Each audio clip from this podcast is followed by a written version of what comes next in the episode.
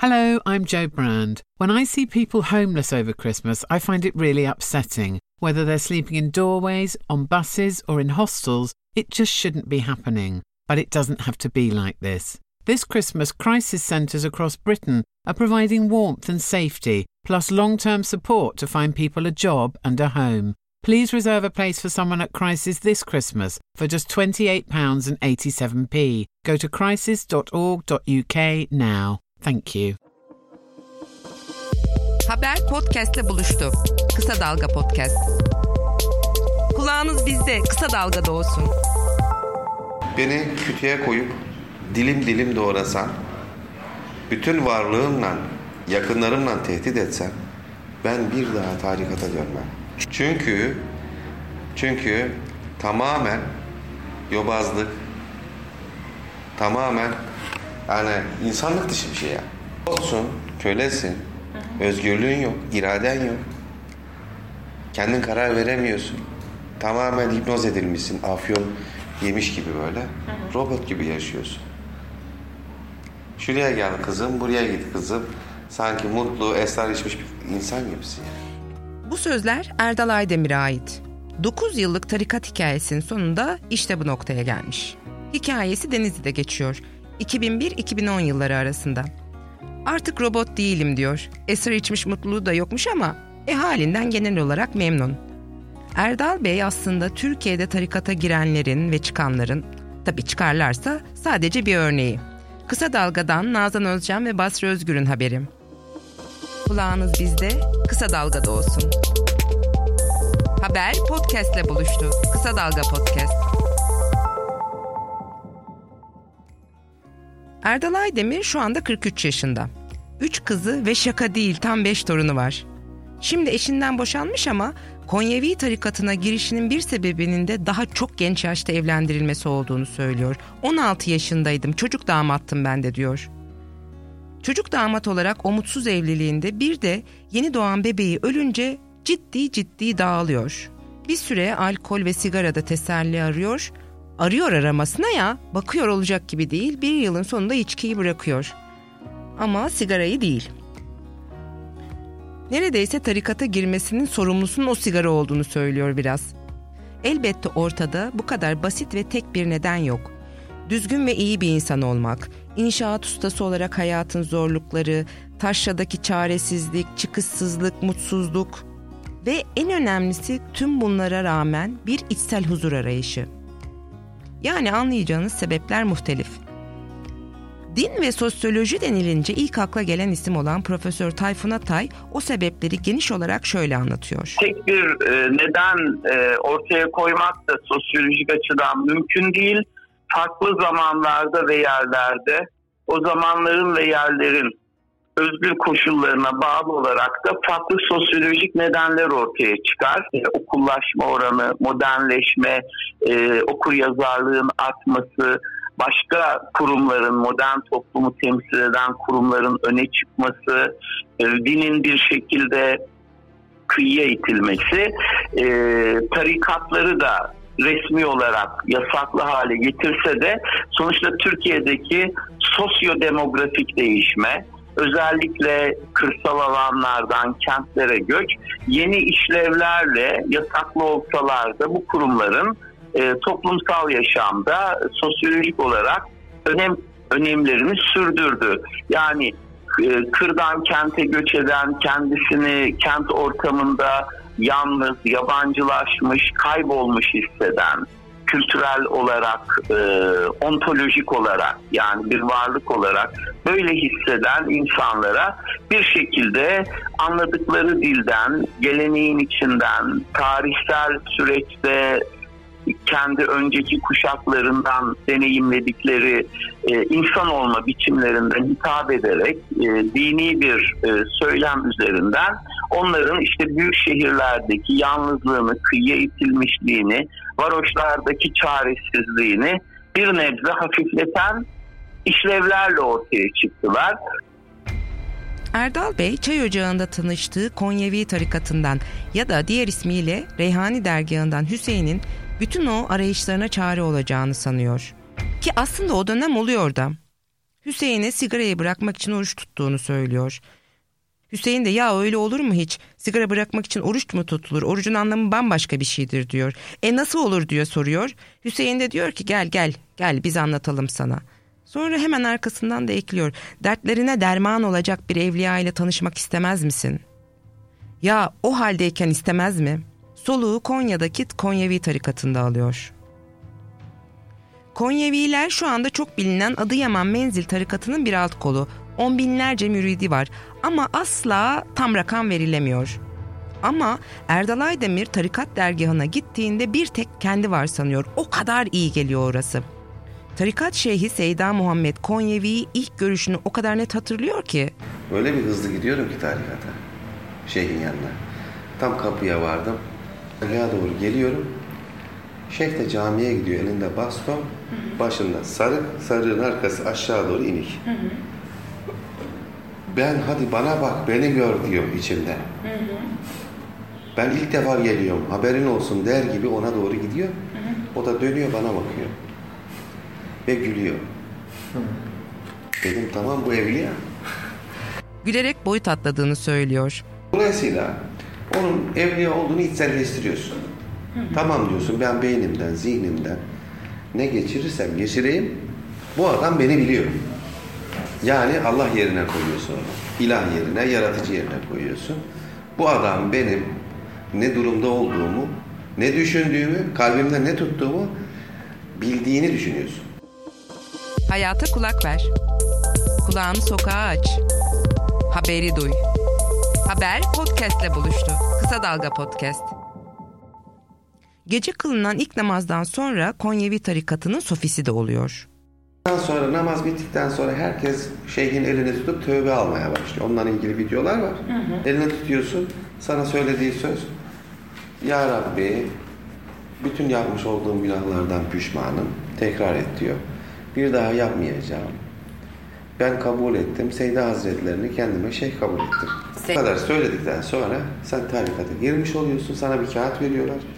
O kağıtta 8 şart kağıdı. 8 şart kağıdını bir geceye mahsus uyguluyorsun. Uyguladıktan sonra sen artık onların üyesisin, o tarikatın bir sofisisin. Sofya oluyor. Dünyanın neresine gidersen git, şeyhin nazarı senin üzerindedir, senden haberi var. Ben o gece 8 şartı yaptım. Tabii mescitte uyudum.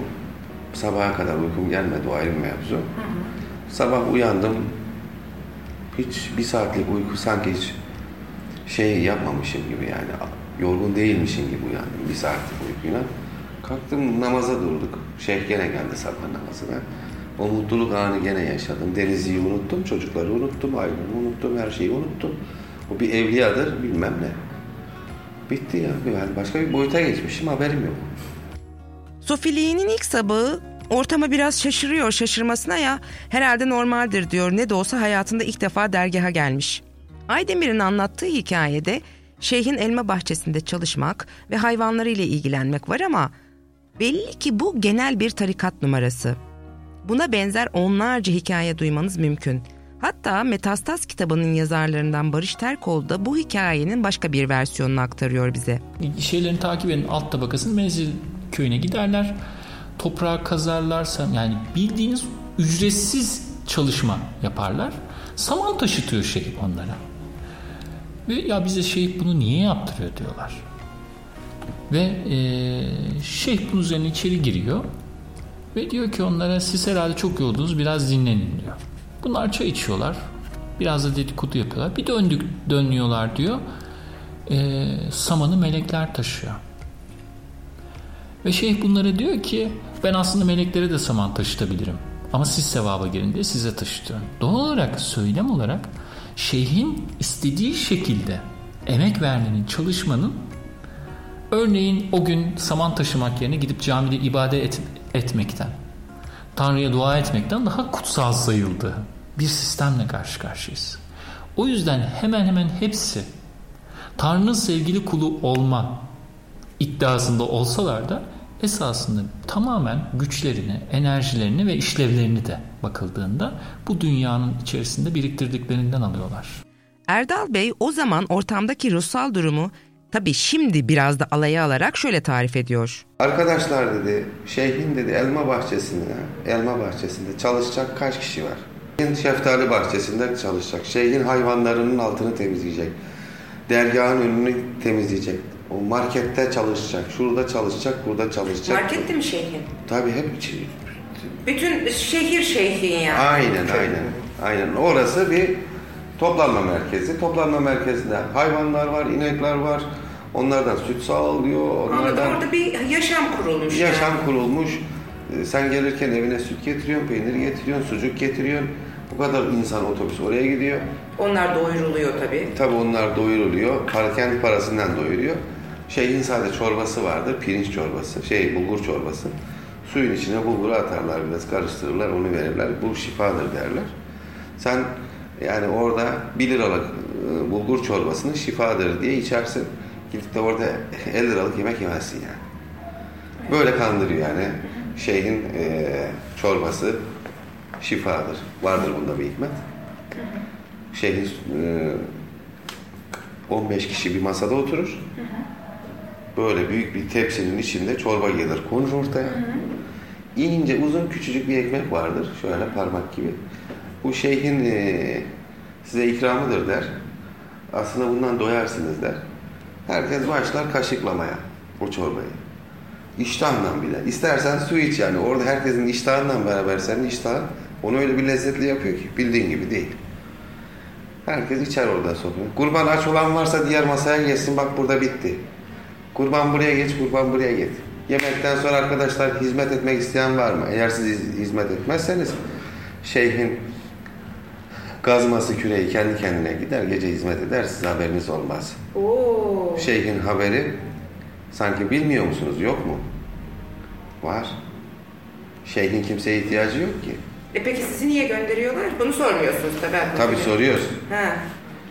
Ee, o sormayacağın şekilde seni yönlendiriyor. Yoksa şeyhin size ihtiyacı yok. Allah'ın meleklerinin yardımı ona yeter. Sen de diyorsun ki yok ya ben varım. Adet olsun diye zaten sizi çalıştırıyor. Sevap kazanasın. Sen de ondan rıza kazanıyorsun. Rıza Şeyhin kazanıyorsun. rızasını kazanıyorsun. Tabii gidiyorsun o hayvan boklarını öyle bir atıyorsun ki anana babana öyle yardım etmezsin. Tamam mı? Ee ne de olsa sonunda evliya olmak var. Denizli'ye dönüp Seyda Hazretlerinin vekili olan Hüseyin'e hayır dualar ediyor, teşekkürler ediyor. Sonra birden bir bakıyor ki e Denizli'de hepi topu iki kişiler. Bir heves bir heyecanla bir günahkarı daha kurtaralım diye çalışmaya koyuluyor. Kendini öyle hissediyorsun. Ya ben kurtuldum bari birini daha kurtarayım. Yani ateşte insanlar. Ne kadar çok götürürsem o kadar çok ateşten insan çıkartırım. Konya'ya ikinci ziyaretinde şeyhi onu vekili de yapıyor. Bunu hafife almayın. Tarikatlarda vekillik az buz bir makam değil. Bu arada ben vekil oldum. İkinci gidişimde beni vekil yaptı. Hüseyin Vekil gitmiş demiş ki Erdal Çalışkan insanları sokaktan alıp deryaya getiriyor. Azimli birisi. Hemen tak vekalet verdi. Cahil olmama rağmen bana vekalet verdi. Vekalet verirken dedi ki bulunduğun şehirde dedi sen dedi peygamberin temsilcisisin dedi. Bu mutluluk ve motivasyonla 9 yılda toplam 2000'e yakın kişiyi tarikatına sokuyor. Peki pişman mı? 9 bin kişiyi tarikata koyan gerideki Erdal'dır. Şimdiki Erdal değil. Pişmanlık duymadım. Çünkü ben çıktım, konuştum. Arkadaşlar bu gittiğimiz yol yanlışmış. Ben doğruları öğrendim. Biz aslında puta tapıyormuşuz. Şeyhimiz bir puttur. Allah'la aramızda kimse aracı olamaz. Sen nasıl bunu söylüyorsun diye beni bıçakladılar. Ben de saldırdım. Zamanla çay ocağı dergaha dönüşüyor. Sohbet kitaplarını okuyoruz. Oradan konuşmak isteyenler oluyor yeni gelenlerden. Ya Kur'an'da aslında bu böyle, Kur'an ne demek istiyor diye sordukları zaman biz diyoruz ki ya Kur'an'ı boş ver şimdi. Ya Kur'an'ı en iyi şeyh anlar. Sen şeyhten üstün müsün ki? Tamamen şimdi okuduğumda şirk içerdiğini görüyorum. Her şeyin başı edeptir, adaptır. Ee, o şeyhinize karşı e, ölü yıkayıcısının, ölü yıkayıcının elindeki ölü gibi olun. Tarikatlar şirk günahıdır dediği için hem cemaatlerin hem tarikatların ağır eleştirisine uğrayan ilahiyat profesörü Abdülaziz Bayındır bunu sömürme yolu olarak görüyor. Onun için dikkat ederseniz bu yapıların tamamı insanları kendi kulları ve köleleri sayarlar. Ondan dolayı mesela tarikatta ne denir? Şeyhin karşısına milit, o ölü yıkan kişinin karşısındaki meyyit ölü gibidir yani. Ölü ne demek hiç itiraz edemezsiniz. İstediği tarafa çevirir. Şeyhin karşısında otururken yüzüne bakmak bile yasaktır. Şey her türlü ahlaksızlığı, her türlü pisliği yapabilir. Ama siz onun yaptığını ahlaksızlık ve pislik diyemezsiniz. Onun mutlaka bir bildiği var, bir hikmet vardır diyeceksiniz. Şeyhin dediği her şeyin arkasında sıradan insanların anlayamayacağı bir hikmet olduğuna Erdal da o zamanlar kesinlikle inanıyor. Vardır bunun bir hikmeti biz bilemeyiz diyoruz. Bu kafirdir diyor, bak bu bilmem nedir diyor, biz onlara saldırıyoruz. Tamamen teslimiyet. Bu da anlaşılan tarikatların genel öğretisi, biadet, hepsi o.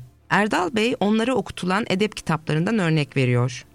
Mesela Minha'da der ki, bir şeyhin ezeli ve ebedi olmaz. Yani ne demektir? Allah'tır bu. Vekil olunca bu sefer Konya'daki dergaha daha çok insan götürme derdi sarıyor Aydemir'i. Çünkü İstanbul'dan dediğine göre akın akın insan geliyor. Sonra Denizli'ye geldim ya dedim bak Hüseyin Vekilim dedim Denizli'den kafile yok.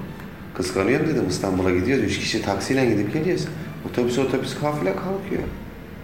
Erdal dedi ne yapalım? Dedim ben dedim özel tim görevi yapacağım dedim. İnsanları dedim gideceğim ikna edip dergaha getireceğim. Top sende dedim. Tamam dedi.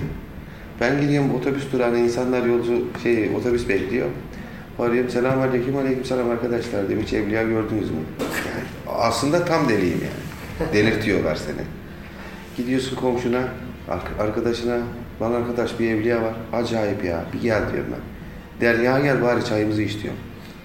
Elbette bu kendi içinde bir ekonomi oluşturuyor. Bu 45 kişilik e, kafile orada süt alıyor, peynir alıyor, meyve alıyor, marketten alışveriş yapıyor, evinin alışverişini yapıyor, Denizli'ye getiriyor. Dışarıdan alacağımıza şeyhin marketinden alırız. Şeyhi, şeyhimize katkıda bulunur. Bu sadece bir otobüs. İstanbul'dan 15 otobüs düşün. Hesaplıyoruz. Bir hafta sonu en az 1400 kişi. Üstelik sadece bu iki şehir. Bu arada Tarikat'ın Gülistan dergisinin temsilcisi de oluyor. Satışlarının fena olmadığını söylüyor. Denizli'de en az 2000-3000 civarıymış. Aynı berbere gittikleri, aynı yerlerde yemek yedikleri, aynı yerlerden alışveriş ettikleri için para bir nevi tarikat mensupları içinde kalıyor. Ana merkezden hiçbir zaman para çıkmadığını, sadece profesyonel vekil olduğu için Hüseyin'e para verildiğini anlatıyor Erdal Bey. E tabi o zamanlar para gözünde bile değil. Her şey samimiyetle ve inançla evliya olmak için.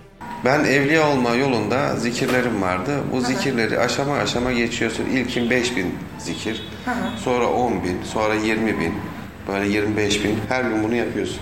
Allah Allah Allah diyorsun. Sonra 25 bin zikir bittikten sonra nefsi ispat zikri şöyle. Her gün bunu yapıyorsun, rabıta yapıyorsun tamamen robotsun. Her gün bunu yapıyorsun. Zaman geçiyor, bakıyor ki hala evliya olduğu yok. 4-5 sene boyunca biz de aşağı yukarı diğer arkadaşlarımla beraber bir 5000 kişi Konya'ya götürmüşüzdür. Yahu biz başta evliya olmak için gitmedik mi? Bu evliyayı görüp de usta olmaya gitmedik mi Hüseyin Vekili? Gittik. E niye biz onun gibi olamadık? Hep fitne fesat dolu içimiz dedim ben. Ben bu yola girerken başta e, düzgün bir insan mı olacağım diye geldiydim. Filerin dedim birbirini çekememesi nedir? Niye bu egolar nedir? Bunlar nedir Hüseyin hocam dedim ya. Ben gidip şeyhe soracağım dedim. Vardım şeyhin yanına. Şeyhim dedim. Sofiler birbirini çekemiyor. Nasıl olacak bu iş dedim yani. Tüm Türkiye'den gelip gidiyor. Bunların içinden hiç evliya yok mu?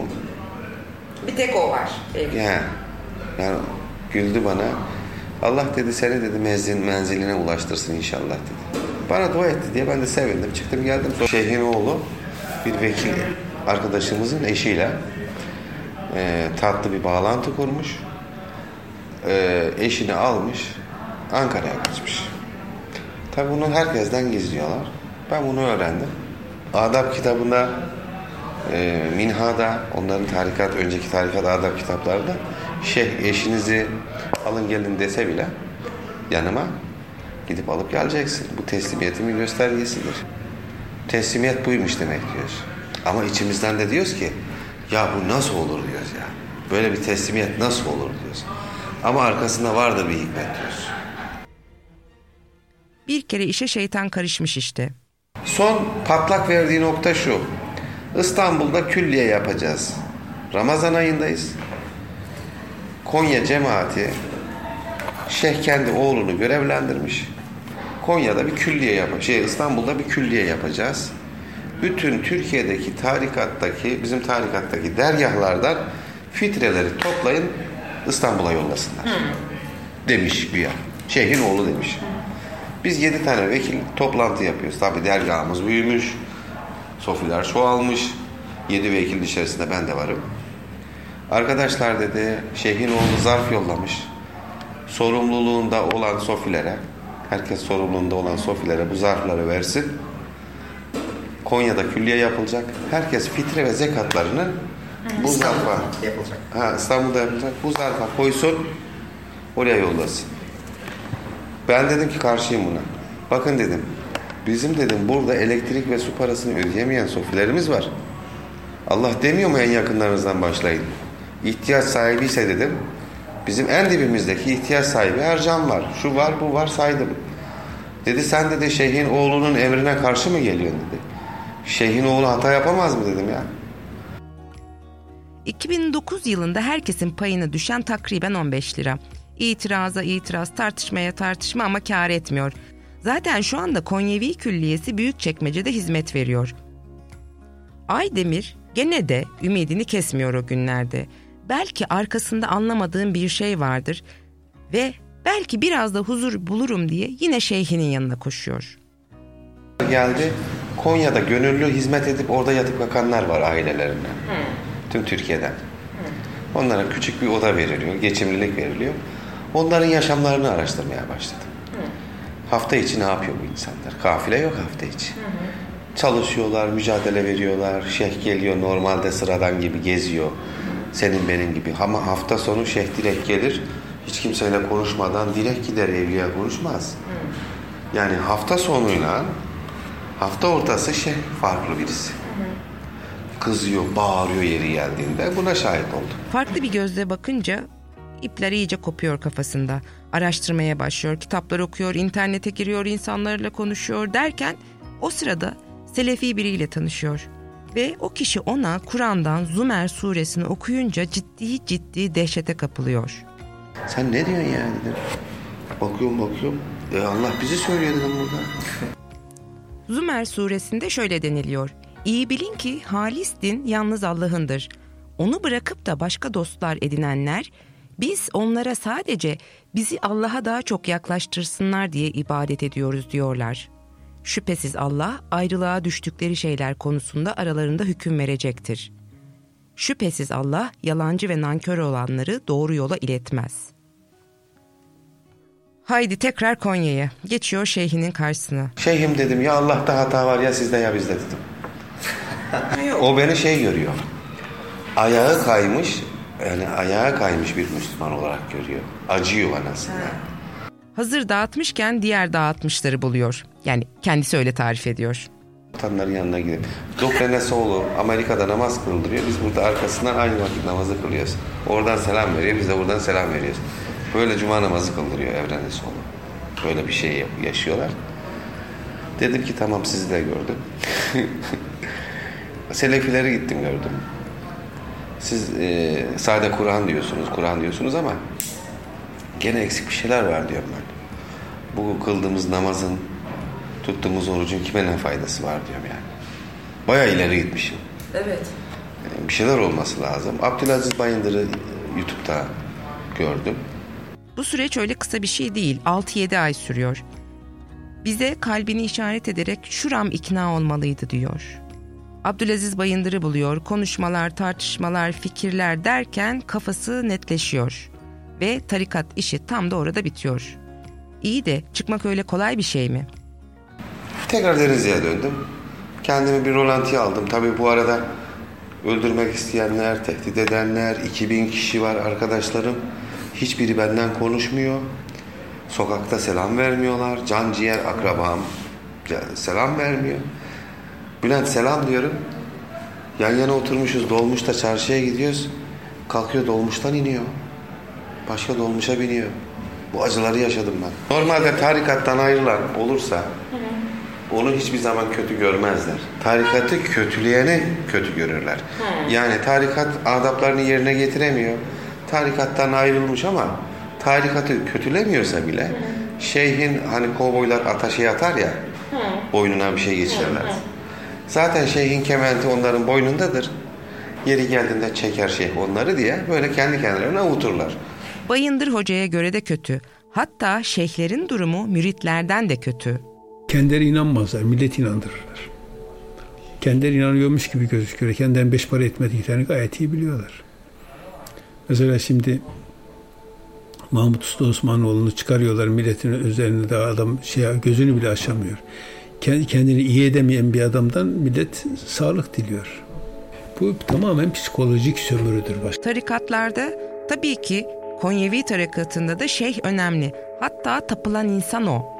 Müritleri içinde aşktan, vurgunluktan, sevgiden, sevdadan dem vuran onlarca ilahi yazıyorlar ona. Yolunu ölmeye hazırlar. Düşünün ki on binlerce müritten bahsediyoruz. Bu tür ilahilerin altına yazılan yorumlar inanmışlığın, adanmışlığın ve belki de tapınmanın kanıtı. Herkes sultanım, Allah'ın yeryüzündeki temsilcisi, başımızın tacı gibi yorumlar yapıyor. Ama ama Erdal için o aşk biteli çok olmuş. Artık namaz kılmıyor. Hatta namazın ihtiyaçtan fazlasını paylaşmak olduğunu söylüyor. Dini ritüelleri de bitmiş hayatında. Onun isteği kendi gönlünün sultanını bulup karavanla Türkiye'yi dolaşmak. Sabık şeyhi ve tarikatı ne yaparsa yapsın halinde. Fakat tabii ki tarikat ateşiyle yanarken hiç de böyle düşünmüyormuş. Tek istediği herkes tarikata hatta mümkünse dünya tarikata girsinmiş. Şimdi gülerek diyor ki şeyhimiz de bizi sırattan geçerken cebine koyup cennete götürecekti çünkü. Abdülaziz Bayındır burada dini olarak sorumlu ve suçlu kişinin şeyhler olduğunu söylüyor. Bazı kimseler gerçekten Allah'a kul olmak niyetiyle bunlara yönelir. Bazıları da bu tarikatların, bu e, oluşum, dini, dini oluşumların e, verdiği imkanları kullanabilmek için yönelirler. O imkanları kullanmak için, kullanmak için yönelenler zaten din sömürücüleridir. Ve bu din sömürücülerin başında da onların şeyhleri, e, işte din, din adamları falan gelir. Ve bu din, bu din adamları az önce söylediğimiz gibi iki, iki gruptur. Bir dini kullanarak menfaat elde etmek isteyenlerdir.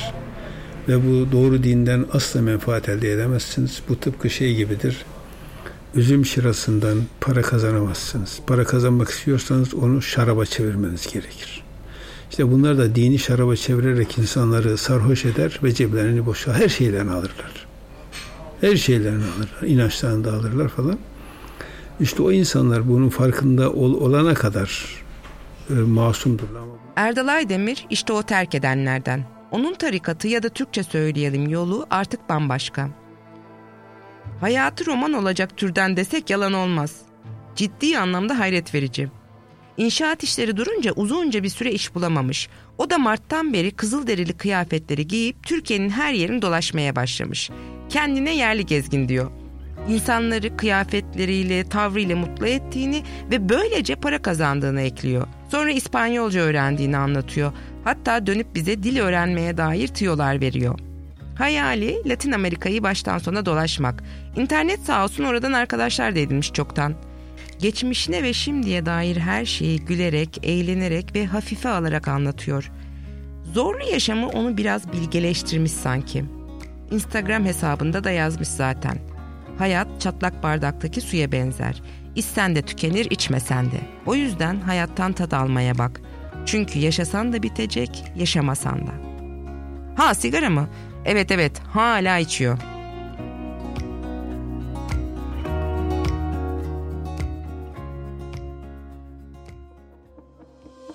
Haber podcastle buluştu. Kısa Dalga yayında. Bizi Kısa Dalga Net ve podcast platformlarından dinleyebilirsiniz. Let's begin our nighttime relaxation. You've never felt more Feel your eyelids getting. now let yourself lay back and get a good night of. Uh. When cold and flu symptoms won't let you sleep, ask for Night Nurse. Its unbeatable strength helps put cold and flu to bed. Only available at the pharmacy counter. For cold and flu relief, visit dayandnightnurse.co.uk slash verify for verification. Always read the label.